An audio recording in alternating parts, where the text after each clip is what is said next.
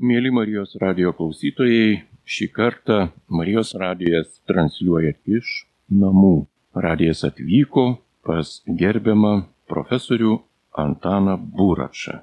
Įkalbina Liutauras Serapinas ir šį kartą kalbėsime apie ypatingą žmogų Lietuvos istorijai, o ypač katalikų bažnyčios Lietuvoje istorijai, tai kuniga Česlovą Kavaliauską. Sveikinuosi su gerbiamu profesoriumi Antanu Buraču, garbė Jėzui Kristui ir noriu iškart paklausti, kunigas Česlovas Kavaliauskas, kas buvo jums šis žmogus? Taip, na, man tai jis buvo dėdė, su kurio likimas suvedė iš esmės tik grįžusiam iš tremties, iš Sibiro lagerių. Manyčiau, kad pirmiausiai norėčiau pabrėžti, ko jis buvo svarbus ne tik man, bet Lietuvai.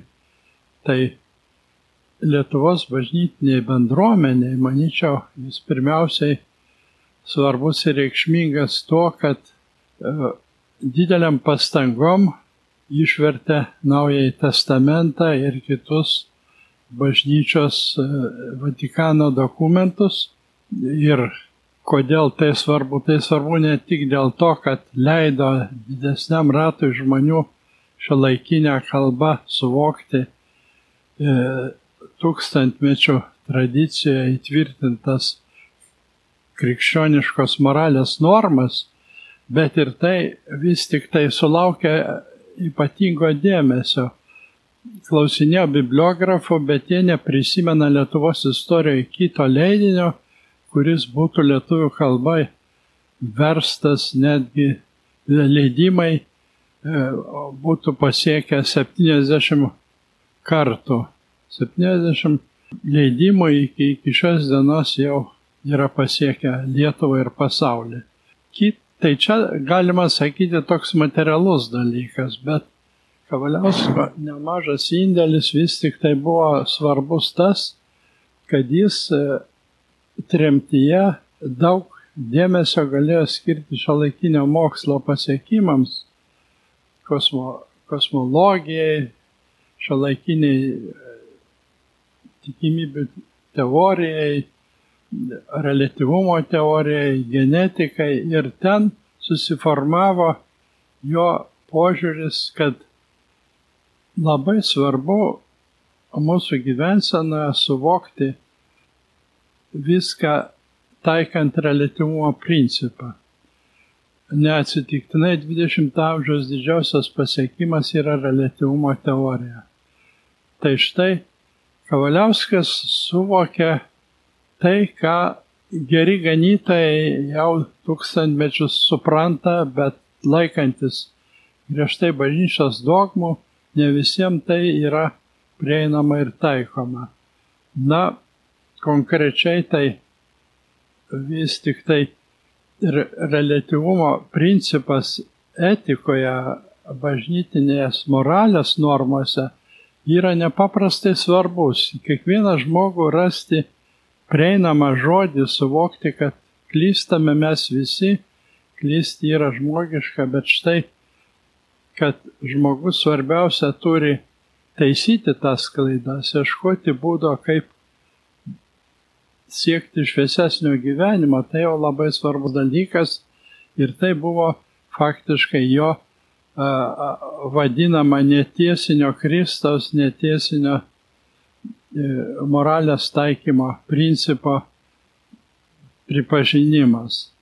Na, be kita ko, jau gerokai vėliau, po Česlovo Kavaliausko mirties, man teko leisti jo išlikusios pas draugus poezijos leidinius.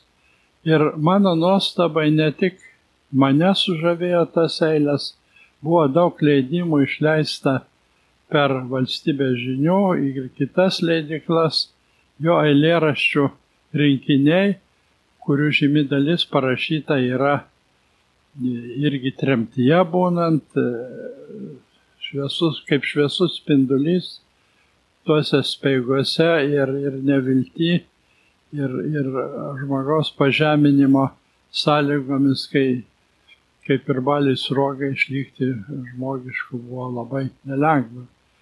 Na tai ta poezija sulaukia net tokio kritiškai žiūrinčiai visus kolegas ir konkurentus poeto kaip Sigitas Geda, jie už tai vertina ir bendradarbis kunigas Vaclavas Aliulis ir, ir kiti žmonės. Na, apie asmeninius ryšius. Tai galėčiau pasakyti, kad nors likimas suvesdavo mus priešokiais, tačiau padarė mano gyvenimui gana lemtingų posūkių. Konkrečiai su, jis grįžo iš tremties man bebaigiant gimnaziją Saulės gimnaziją. Ir dažnai šnekindavo mane kaip tik apie tuos šiuolaikinio mokslo pasiekimus, kurie buvo persekiojami, niekinami Sovietų sąjungoje tuo metu.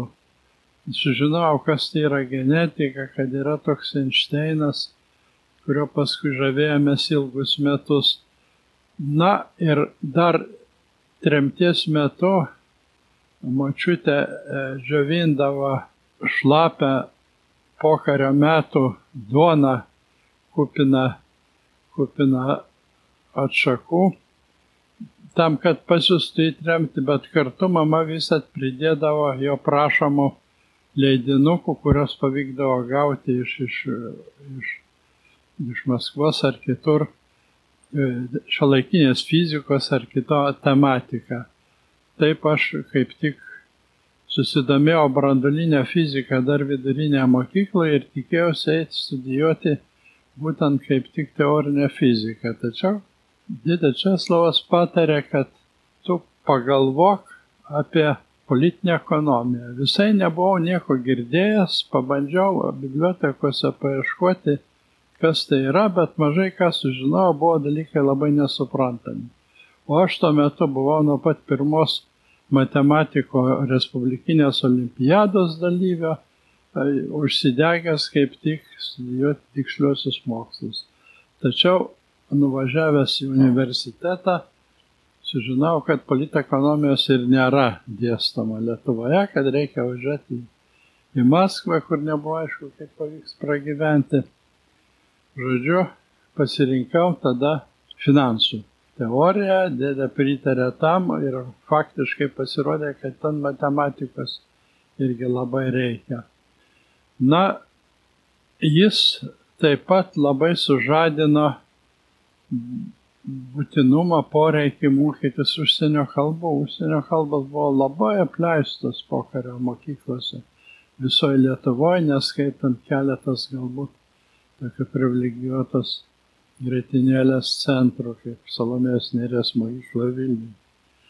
Na ir teko mokytis pačiam, nors buvo mokytas tikrai mūsų, mokyk, mūsų gimnazijoje labai patyręs užsienio kalbų vertėjas, bet jis buvo karo metais visai susigadinęs nervus, mokytas Šerkšnas ir, ir, žodžiu, teko mokytis savarankiškai. Pačiam dėdės metodu žodžiu, pasiimant kokią nors knygelę ir su žodinu, stengiantis įveikti, aišku, neišmokstant kalbėti, bet iš, pradedant suprasti užsienio tekstus. Galų galiausiai dar antram kurse dėdė tuo metu dar neturėjo darbo, ieškojo kaip tik ryšių su katalikų bažnyčios hierarchais, ieškojo jis kaip tremtinys tuo metu negalėjo dirbti nei didžiuosiuose miestuose, jo kaip buvusio kalinio vengia, vengia ir, ir kai kurios viskupijos. Tai žodžiu, su tais vargais, kai jis susidūrė, tiesiog pasiemė jis mane į palangą ir ten pakvietė pas žinomą e, pedagogikos profesoriaus Jovaišo šeimą. Ten susiradau ir savo žmoną.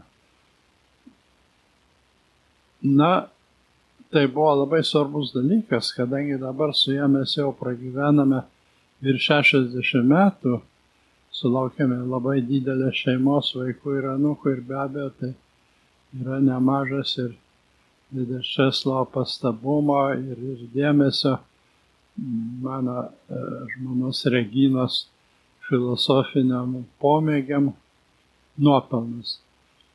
Na, e, vėliau buvo toks įtemptas e, kūrybinis laikotarpis ir, ir kunigui Česlavui Kavaliauskui ir, ir man. Aš rašiau disertaciją Maskvoje, o jis tuo metu kaip tik pradėjo versti Naują Testamentą, tai be abejo mūsų ryšys buvo labai epizodinis, buvom kiekvienas užsiemęs savo darbais, Naują Testamento vertimas pareikalavo neįtikėtinų pastangų, ne tik intelektinių, bet ir, bet ir apsukrumo, juk Lietuvoje kunigams buvo faktiškai užkirstas kelias studijuoti universitetuose, jis labai gailėdavosi dažnai, kad negali vis tik tai universitete gauti diplomą, kuris padarytų didesnės, atvertų didesnės galimybės jam e, naudotis e,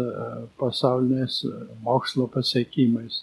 Na, aš retsykiais užsukdavau pas jį į žaslius, kuris kaip tik pasakodavo apie man ne visai suprantamas sudėtingas vertimo problemas, kai reikia lyginti skirtingomis kalbomis ne visai atitinkančius komentarus.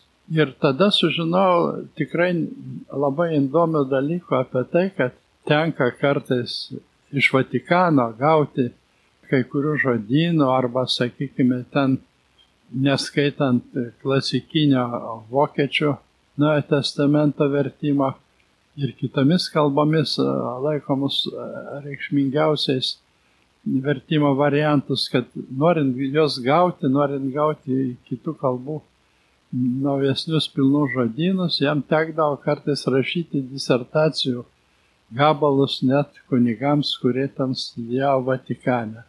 Be kita ko ir pragyventi buvo nepaprastai sunku, nors žmonės buvo iš ties malonus visose tose parapijose, kazokiškėse ir, ir, ir dubingose ir, ir joniškyje buvo labai malonų žmonės, tačiau gyveno nepaprastai vargingai, retsykiais be kiaušinių nieko daugiau neturėdavo. Ir žodžiu, tada kaip tik prisimenu, kaip Dubingas Kavaliauskas man prisipažino, kad šiuo metu atliekantis be Naujojo testamento vertimo labai nemalonų darbą, jis rašo disertaciją apie paukštininkystės plėtrą kolūkiuose. E, tai buvo, sako, man tiek svetimas dalykas, bet, bet tai padėjo šiek tiek gauti pajamų, kad, kad galėtų pragyventi tiesiog ir atlikti savo pareigą, na, mokant e, tam tikrą įnašą į kunigų seminarijos kaune išlaikymą.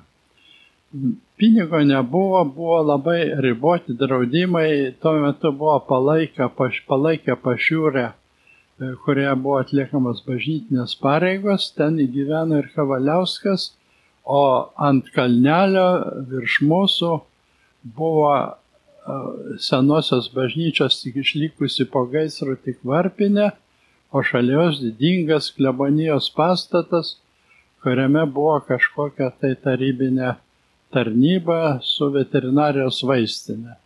Mes su pavydu pasižvalgydavom į tą kleboniją, kurią atgauti, aišku, nebuvo jokių šansų. Na ir dėdė vienas įk atvykus man pasiūlė padėti jam nudažyti tą pašiūrę, kurioje buvo bažnytinės pareigos atliekamos. Bažnytėlė vadinama. Na, mes apie ketvirtą valandą ryto anksti atsikėlę ėmėmės to darbo, kol buvo tamsu, nieks nematė, dėdė buvo labai išpurtęs po tremties, hormonai buvo matyti sutrykę, tai jisai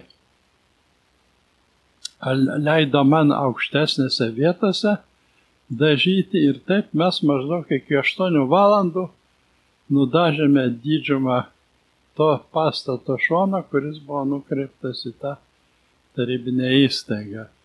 Žmonės labai stebėjosi, kaip čia taip netikėtai staiga pagražėjo tą bažnytėlę.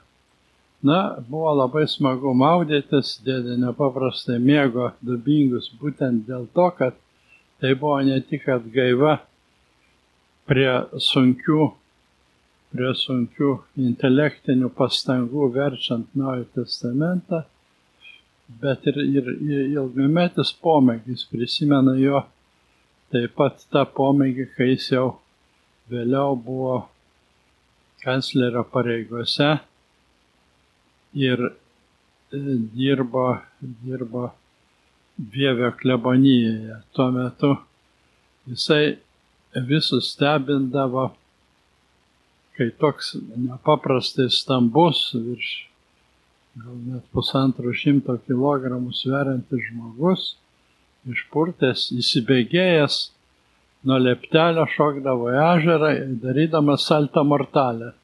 Aš, Liesas, lieknas to nesugebėjau padaryti, tikrai buvo labai neįprasta manyti, kai žmogus persiverčia per galvą, o leptelis išlieka nesulūžęs. Na, tas man priminė ir kitą epizodą, kai jis grįžęs iš tremties pirmiausiai nusprendė padaryti įspūdį man jaunam vaikėzui, kuriam tuo metu labai rūpėjo irgi būti fiziškai aktyviam, daryti prisitraukimus ir, ir, ir, ir žodžiu, kiloti ten akmenį štangų nebuvo be abejo.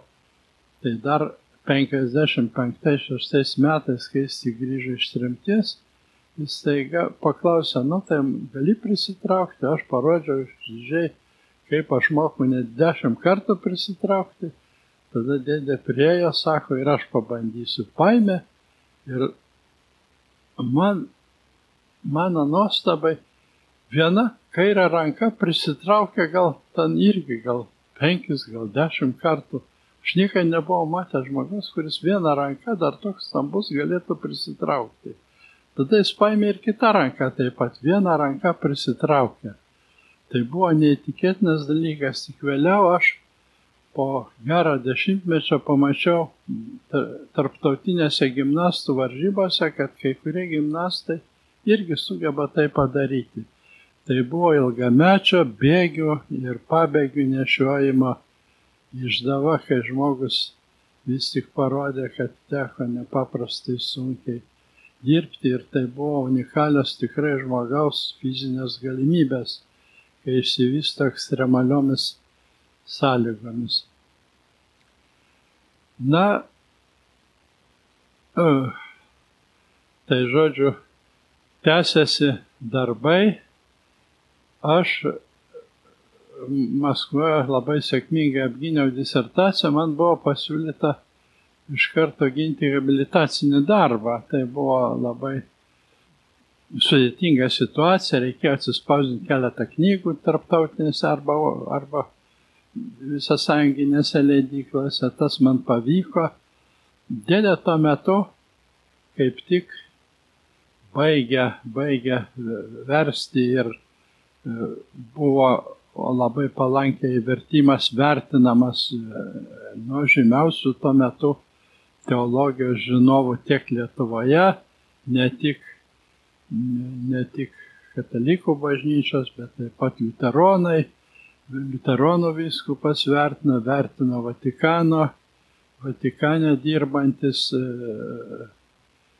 profesorius Rupšys irgi žiūrėjo, žiūrėjo ir, ir Rabikauskas, kiti galintys patarti tam, kad vis tik tai ne tik vertimas būtų tikslus, bet kad ir būtų perteikta 2000 e, metų senumo mąstymo tradicija, vertybių suvokimo reikšmė, kai tuo metu, galima sakyti, visa aplinka, kurioje gimė e, tos teologinės tiesos, etinės tiesos išdėstytas Kristaus žodžiais kad jis būtų prieinamas. Juk visi žolelių, gelelių pavadinimai, netgi vartojami, vartojami maisto dalykai, tai visiškai skirtingi yra atšiaurioje Lietuvoje palyginus su, su Palestinos žeme. Na ir mąstymo būdas visai kitas, kita socialinė santvarka, kitos vertybės, kiti santykiai tarp žmonių nusistovėję ir tai reikėjo perteikti pakankamai, pakankamai tiksliai. Čia ir kildavo daug disputų tarp skirtingų, skirtingų vertėjų ir, ir netgi, kaip žinome, iki šiol dideliai nesutarimai tarp katalikybės atšakų yra, tarp katalikybės mokyklų yra dėl, dėl kai kurių vietų interpretacijos. Tai reikėjo rasti visiems prieinamą variantą. Na, tuo metu Kavaliauskas kaip tik ėmėsi minties, kad reliatyvumo teorijos pagrindai taikytini ir etikos srityje. Tai buvo e, teologinė prasme gana naujas dalykas, nors jeigu pažiūrėtume matydžiai į didžiųjų Vatikano, Vatikano asmenybių interpretacijas, tai be abejo galima to rasti labai daug, bet tik tai kitais terminais akcentuojama. Man tuo metu kaip tik teko rengti habilitacinį darbą ir štai aš tik prieš akis irgi pas jį atvykdavau. Daugiau mūsų ryšiai jau vystėsi po to, kai mane išrinko akademijoje į narius ir, ir kai Kavaliauskas tapo žinomas kaip ieškantis naujovių teologas, nors mąstantis labai netradiciškai, bet vis tik tai ir gyvenantis pagal savo vertybės, tai reiškia besilaikantis nemažai asketizmo, nepripažįstantis bažnyčios, bažnyčios prabangos ir, ir blizgėsio. Ir žodžiu, tuo metu prisimenu, kaip Joniškyje kartu tekdavo maudytis, kaip jis pasakodavo, kad iki šiol jo ranka nepakyla nušienauti aplink aplūžusią kleboniją pykdžalių, kadangi kiekviena žaluma jam primena Dievo vertybių sudėtingumą. Na ir tai, kad tai yra gyvybės forma. Na, be kita ko, tai Joniškėje besimaudant, kartą Česlavas sako, kad tu neišsigask, jeigu šalia praplauks gyvatė, jos nekanda, reikia pasistengti nustumti. Na, be abejo, kad po to, po tų jo žodžių man labai prapolė noras plaukti ant nugaros mėgdavo, kadangi nematai, kas priešais tave tai bijodavau dabar ta, nebe tiek žolių, kiek, kiek tų šliužų, kurių gali užtikti vis tik tai, vis tik tai tokiame patraukliame vandenyje. Na, tokių įvairių epizodų tai galima būtų prisiminti daug. Prisimenu, kaip pradėjau studijuoti e, universitete su matematika man vėl nepavyko rasti gerą mokytoją. Tuo metu dėstė įžymus Lietuvos universitetų kuriejas profesorius Žemaitis, kuris jau buvo visiškai sukruošęs senukas. Jis visą stebindavo savo sugebėjimu, savo sugebėjimu aiškinti diferencinio integralinio skaičiavimo e, subtilybės tačiau buvo labai sunkiai girdimas, net labai matėsi tolumoje esanti didelė lenta. Ir žodžiu, Dėdė Kauliauskas man patarė mokytis iš tų pačių e, Lūzino diferencialinio integralinio skaičiavimo vadovėlio, kurie buvo plačiai pripažinti pasaulyje. Jie buvo aišku tik rusų kalba. Iš viso tuo metu vadovėliai dar 58 metais buvo labai mažai kurių disciplinų, netgi rusų kalba. Būdavo sunku gauti Vilniaus universitete. Tas įdomu pažymėti ir dėl to, kad, sakykime, tik dabar sužinau, kad, sakykime, smetonas raštai buvo uždrausti Lietuvoje, buvo sunaikinti. O Vilniaus universitete pirmame kurse aš užsisakiau biblioteką ir mačiau pirmą kartą, kas tai yra smetona, kaip jis vis tik giliai apibendrintai sugeba mąstyti, koks yra žodžio meistras.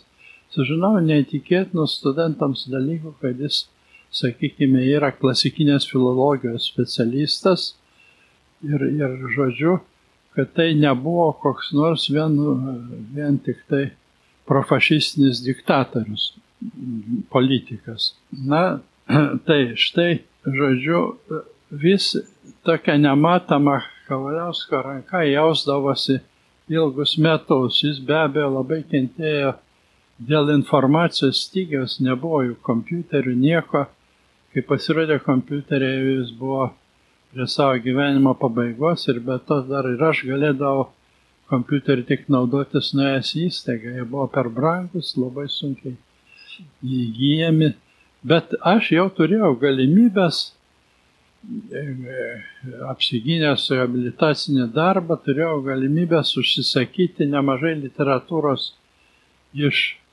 pirmiausiai Maskvos per Mokslinės techninės informacijos institutą, kuris siūsdavo e, galbūt netgi kelių šimtų žurnalų ne, turinius atšvestus. Pagal tos turinius buvo galima pasirinkti vieną ar kitą straipsnį ir atsiųsdavo labai prastos kokybės, kokybės e, kserokopijas.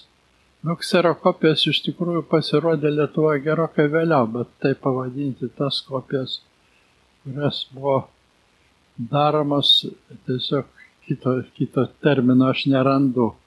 Tai tuo metu kaip tik vis atveždavo dėdė ir iš šiuolaikinės filosofijos, retsikais ir iš teologijos dalykus. Plėtėsi mano ryšiai su tarptautiniam organizacijom tuo metu ir tokios liberalios organizacijos jungtinėse valstybėse, vakarų Europoje man, mane pastebėjo, pradėjo man siūsti kai kurios žurnalus. Prisimenu, sakykime, Executive Intelligence Review, amerikietiška, kuris gana pagarbiai atsiliepdavo ir apie teologijos reikalus, tačiau siejo kaip ir dėdė Kavaliauskas su šiuolaikiniais mokslo pasiekimais. Tai štai ne, kaip tik jis labai žavėjosi to žurnalo ir praktiškai aš visus, visus numerius, kuriuos gaudavau, tai per Švediją, tai, tai per Prancūziją, tai nuveždavau jam, tai nepaprastai džiugindavo. Na, Kauliauskas e, buvo, buvo labai nereiklus būčiai. Jis e, gerai suprato tą sudėtingą dalyką, kad šiuolaikinės e, galimybės palengvinti, pagražinti būti e, neretai ir apsunkina ją, kadangi reikalauja priežiūros. Ne, ne, ne kartą gyvenime jis stengdavosi apsiriboti savo gyvenimą, sakykime, ten vienu ar dviem podeliais gerimui, mažai turėdavo įrankių. Na, retsikiais tai būdavo ir tokia ne, nepalanki situacija. Jau, sakykime, būdamas altaristais, buvo apgyvendinta žasliuose pas tokią materialę, kuri kažko buvo labai nepatenkinta jo nereiklumu ir ne, ne visiškai ne, neskolindavo nei indų, nei įrankių. Ir tuo metu kaip tik sykį atvažiavau pirmą kartą su Sigitų gėda pas jį. Sigitai gėda jis padarė didelį įspūdį, pirmiausia jis jį pavadino gėda lietuviškai ir gėdai tas patiko netikėtai. Ir didė Česlavas, aišku, kaip visat labai vaišingai norėjo mus pavaišinti kava, bet padelis buvo vienas. Tada jis iškilmingai padelį užleido Sigitai gėdai, man atidavė savo, savo lėkštę gerti kavai. Tai buvo labai spūdinga, bet žodžiu, žodžiu, tokia buvo situacija, kuri kartais, na, labai neįprasta. Tada Sigitas Gėda padarė gana ilgą įrašą, kurį šifravus gavosi net penki ar šeši ne, laikraščio Šiaurės Atenai numeriai.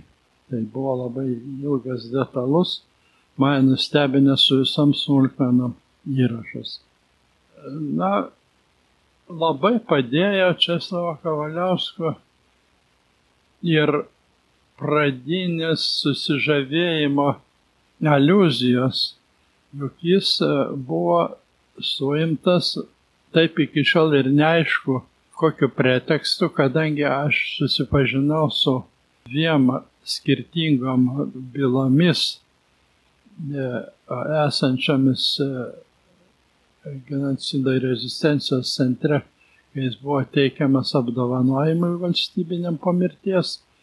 Ir ten buvo aiškinama viename, kad jis buvo kaip neotomistų organizacijos vadeiva suimtas. Reiškia, kunigų seminarijus vadovavo nedideliam 5-7 klierikų bureliui, kurie studijavo neotomizmą įdomu pažymėti, kad jau gerokai po jo mirties mano rankas pakliuvo nemažai knygų, kurios mane stebino. Tai buvo e, Paulius Dirako, Šrödingerio, e, Einšteino, vieni pirmųjų leidimų su kunigų seminarijos anspaudas. Tai yra retas dalykas, neįtikėtinas, kad buvo tokių šviesių žmonių, kurie jau tuo metu sugebėjo užsakinėti iš vakarų Europos naujausius leidinius.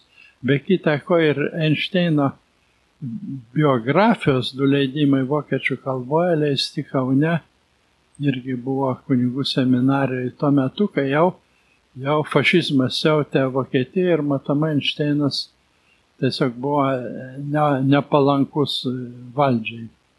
Na tai štai, štai tik atvykęs iš trimties Dėdė Česlavas iš karto leidosi į diskusijas apie materijos ir, ir dvasios, apie akto ir potencijos santykį. E, tai buvo sudėtingas dalykas, tuo metu kaip tik pasirodė, pasirodė pirmasis Aristotelio apie sielą e, leidinio vertimas į lietuvių kalbą ir kaip tik, aišku, jis patraukė mano dėmesį ir mes galėdavom leisti ištisas valandas diskutuodami, kaip suvokti tą dialektinį perėjimą iš potencijos į aktą. Ir tas man paskui labai padėjo e, ir marksistinė filosofija, studijuojant ir pasaulinę filosofiją, susipažįstant tas tradicijas. Ir tas nustebino, kad jis labai atsakingai žiūrėjo į į, į žodžiu, pačių, pačių savokų prasmės vertinimą. Jis specialiai rado laiko, nes tuo metu buvo bedarbis ir para, a, parašė net du sąsvinius apie tai, kaip reiktų aiškinti e, potencijos ir akto sąveiką. Tai vat, tiesiog toks gal retas dalykas, ilgai išsaugojo tos sąsinius, nežinau, galbūt kai čia dariu seminariją arba savo archyvę dar yra ir išlikę. Tai toks įdomus dalykas. Na, daug galima tokių įvairių prisiminti dalykų, bet visada mane stebina tai jo gebėjimas nepaprastai lengvai rasti kalbą su bet kokio, bet kokio intelekto, bet kokio išsilavinimo paprasčiausių žmogelių, su kuriuo atrodo sunku yra apie ką šnekėti. Jis jausdamas į jų, jų būti, jų problemas jis sugebėdavo kaip tik tai, kaip tik tai persijimti, persijimti tuo, kas svarbu tam žmogui ir dėl to, na, be ne kiekvienas palikęs jo namus būdavo jo didžiausias draugas. Na, ta prasme tai galima pasakyti, kad jis gana laikėsi jo gyvenimo nepaprastai svarbios išugdytos vertybės neprisirišti prie labiausiai patinkančių daiktų. Aš paskui vėliau įtariau, kad galbūt tam turėjo įtakos ne tik jo idėjinis nusiteikimas, bet ir gyvenimo keblumai. Pradėjau galvoti, kad juk kalinių tarpe irgi yra panaši situacija. Jeigu kažkoks priejas, ypač kriminalinis, pasako šitas dalykas, man patinka ar man priklauso, tai geriau nesiginčiant atiduoti, nes kitą atveju tave gali mėgantį papjauti ar panašiai. Na, bet gyvenime, aišku, Kauliauskui Grįžus šventas tas nebegrėsė, bet jis vis vien laikėsi gana griežtai to principo, jeigu žmogui kas patiko, tai geriau atsisakyti pagundos, kad žmogus pavydėtų tau. Tai buvo labai reta vertybė. Sakykime, prisimenu, kai Lietuvoje dar pirmieji televizoriai pradėjo rodytis, buvo brangu juos įsigyti, jie aišku buvo labai prasti, nedideli ir štai Kalaskas įsigijo kartą, berots pirmąjį ten, pirmųjų egzempliorių šilelį, visi džiaugdavosi, mes irgi atvažiavę, galėdam pažiūrėti žinias, atvažiuoju kitą kartą, jau nėra to televizoriaus. Pasirodė, kad atėjo kaimynas, kaimynui patiko, aišku, labai televizorius, jis iš karto jam padovanojo tą televizorių. Tai ir brolis gerai žino, kad jeigu dėdė Šeslavas susitaupė pinigų nusipirkti kokiam radio imtuvui vefui, nešiojamam ar panašiai, tai jau kitą kartą jau nebebus, dėl to, kad jis kažkam bus padovanojęs. Man tai atsitiko irgi panaši situacija. Didė Česlavas nepaprastai buvo susižavėjęs dubingiais, jam daug šiltų prisiminimų kėlė dubingių žmonės, jų vargas, Ir po to, kai antrą kartą berots jisai apsigyveno dubingose, buvo paskirtas eiti pareigas, tai jis buvo paskirtas visai sugriuvusią lūšną, kurią jis vadino proletarnio poeto Maginskio, Maginskio gyvenama lūšna. Na, jis labai didžiavosi tą lūšną, tačiau tačiau mane, mane visai nežavėjo dėl to, kad buvo visai sukiužusios sienos ir, žodžiu, ten buvo tiesiog baisu, ar nepasirodys kur koks žaltys iš, ką, iš kerties. Na ir štai prisimenu, kai mirė tėvas, po jo mirties teko perimti palikimą ir suradau aš tapytą tarpukariu paveikslas skirtą dubingiams, dubingio ežerui. Gražus, su tiltu, vadinamas Smetonas vardu, tas buvo irgi labai įdomu ir kurioziška, kadangi pats Smetona, Smetonos vardą tiltą, pažiūrėjau, kaip sakant, pakrikštijo. Na, be kita ko, tai Smetona esant gyvam 39 metais buvo pakrikštytas ir lituanistikos institutas, kuriame kitas mano dėdė Balis Buračius tuo metu pradėjo dirbti etatiniu darbuotoju. Na tai štai tą paveikslą suradęs, aš nuvežiau iškilmingai, įteikiau dėdai, dėdai nepaprastai džiaugiasi, pasikabino jį.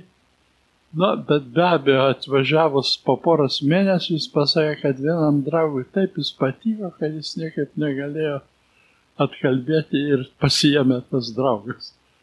Panašiai būdavo ir su knygom, pasi knygų atvažiuodavo, atvažiuodavo pasiimti, kur nupirkdavo ten, sakykime, ir šalaikinės, ir šiaip gaudavo iš draugų kitų kunigų įvairiausių knygų, tai pasimdavo buga, garsus bibliofilas.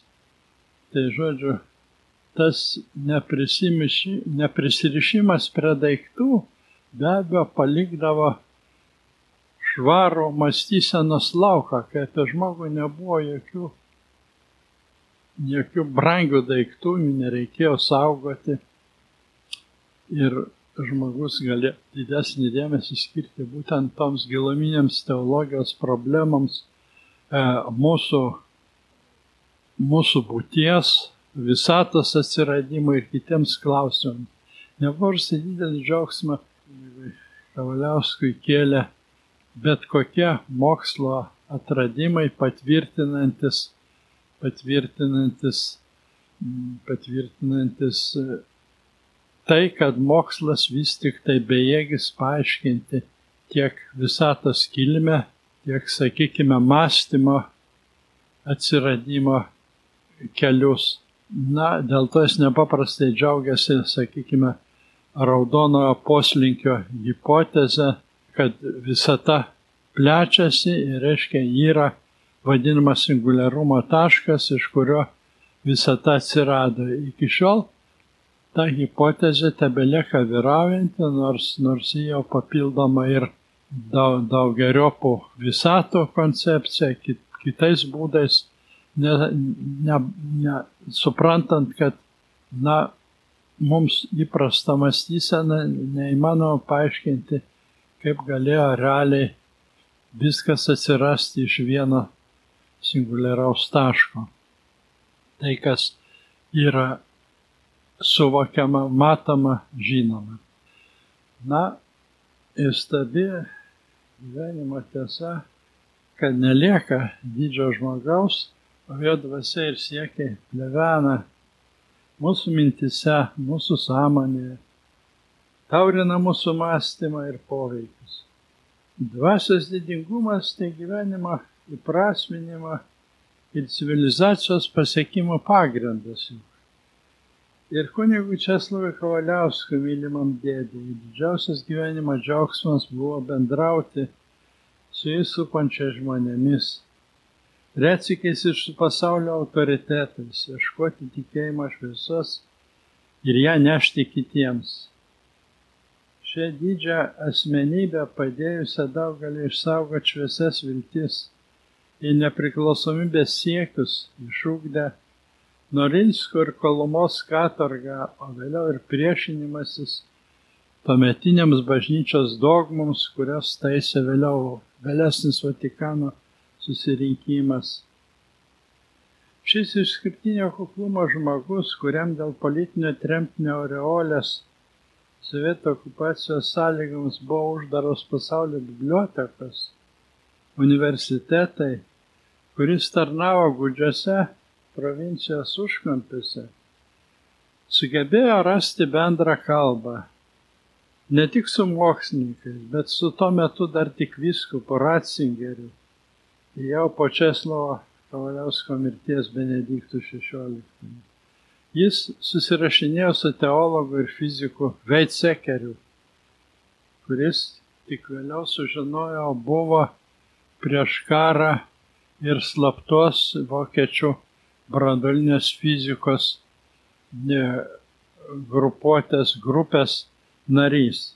Su tikimybių teorijos, kurie kubiliumis bendravo, man teko perdati iš jo knygas skirtas atomų teorijai. Šitą skirtas ne tiek galbūt relativumo teorijos kuriems, kiek automatų teorijos kuriems. Na ir su kitais mokslininkais, dvasios milžinais kuriem nemažiau kaip jam rūpėjo būtent svarbiausia mūsų gyvenime suvokti visatos ir gyvybės kilmę.